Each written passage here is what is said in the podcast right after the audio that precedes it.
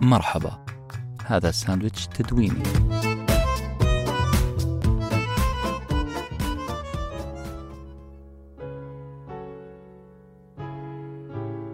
إن معظم المتقدمين للمقابلة الوظيفية ونجحوا في الحصول عليها هم أشخاص أقل شهادات من غيرهم.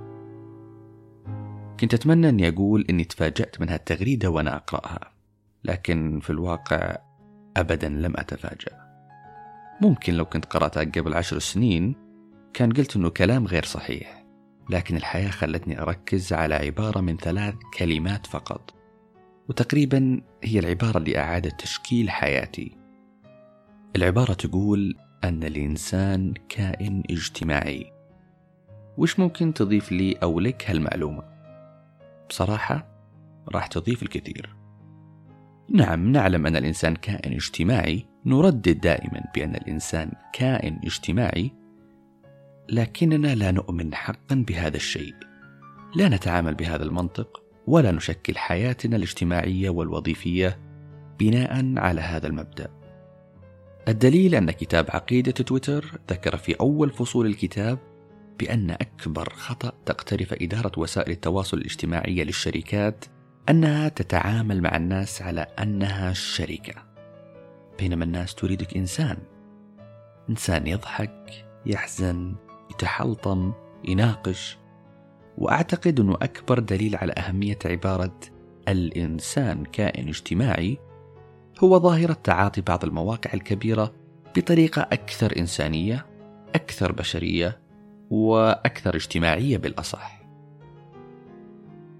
لا أستغرب من هالمعلومة البديهية لأني كنت ولا زلت أرى أن أنجح الناس في عملي هم الناس حلوي اللسان طبعا مش شرط نكمل المثل ونقول قليلي إحسان لكن للأمانة الشواهد أمامي كلها تقول أن الموظف اللبق الاجتماعي يستطيع أن يصل لأهدافه بشكل أسرع وأسهل وأكثر سلاسة من الموظف المكشر العنيد البعيد تماما عن الحياة الاجتماعية.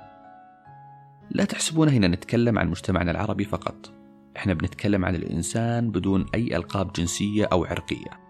سواء كان الإنسان البدائي في غابات الأمازون أو إنسان الهيدكورتر في نيويورك. حطها حلقة بإذنك. طالما أنت في مجتمع فالطبيعة والصفات الاجتماعية لها دور كبير جدا في نجاحك أو فشلك.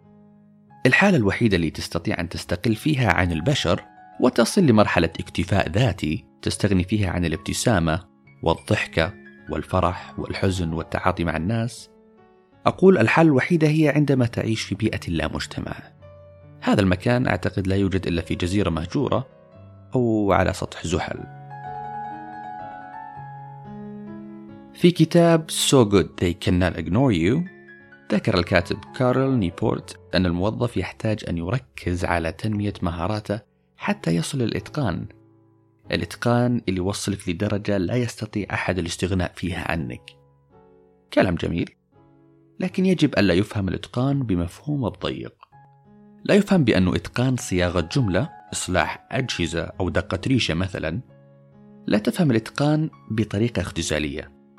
بالعربي لا تفهم من الكاتب أنه مهارة فنية فقط. بل الإتقان وكل الإتقان مهارة اجتماعية أيضا. ماذا تقول؟ كيف تقول؟ متى تقول ولمن تقول؟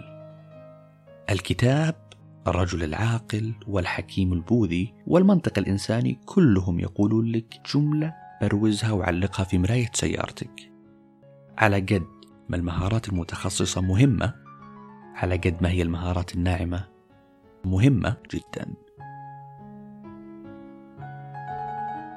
المهارات الناعمة نعم بالضبط هي على اسمها. هي مهارات إذا لمست جلدها فستجدها قمة في الإغراء من فرط نعومتها.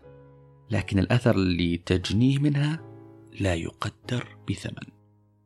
موضوع ال hard skills المهارات الخشنة وال soft skills المهارات الناعمة ممكن يكون موضوعك في عام 2019 قد تحتاج لمعرفة ما هي النعومة المقصودة هنا.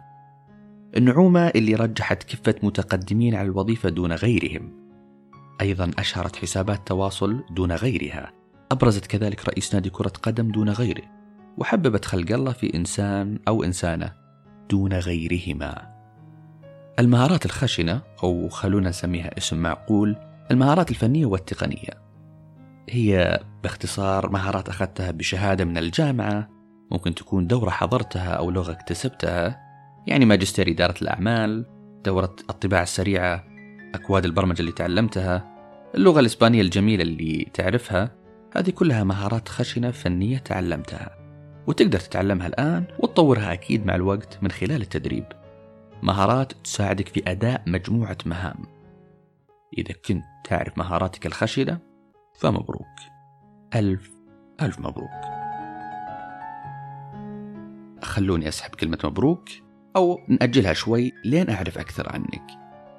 هل تمتلك مهارات ناعمة بالإضافة للمهارات الخشنة؟ يعني بالعربي هل تعرف تبتسم؟ هل عندك استعداد تسمع غيرك؟ تتداخل بدون ما تسبب بركان من النقاش الحاد؟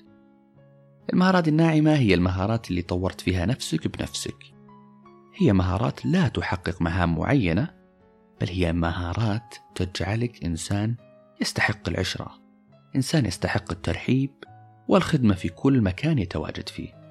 هي مهارات تكتسبها من القراءة ممكن من الخبرة والاحتكاك أو حتى المحاكاة. فعندما نشاهد لقاءات موسيقار الأجيال محمد عبد الوهاب فلا شعوريا ستستخدم أسلوب المجامل اللطيف في كسب قلوب الناس. وعندما تقرأ في سيرة جاك وولش مرة أو مرتين ستبدأ في تطوير مهارة ترتيب الأولويات ووضع خطط استراتيجية شخصية لك. لما تعيش مع صياد سمك راح تكون أكثر صبرا. مع طبيب راح تكون أكثر تماسك في الأعصاب. المهارات الناعمة تكتسب في فترات عمرك المختلفة وتكون في رصيدك ثروة لابد تلتفت لها. وعشان هذا الموضوع مهم نفسي الآن أسأل سؤال. كيف راح ترد بعد اليوم على الشخص اللي يقول لك يا أخي أتعب نفسك بالقراءة أو الشخص اللي يقول لك ليش تعمل أعمال تطوعية؟ ليه مشغل نفسك في هذا المشروع أو ذاك؟ طبيعي جدا أن يستخف الناس بمنظر شخص يحمل بلوك وهو يشرع في بناء صرح شامخ. ببساطة الناس ما تشوف إلا البلوك اللي قدامها لكنها لا تستطيع تصور شكل الصرح الشامخ اللي أنت وبكل سعادة قاعد تبنيه.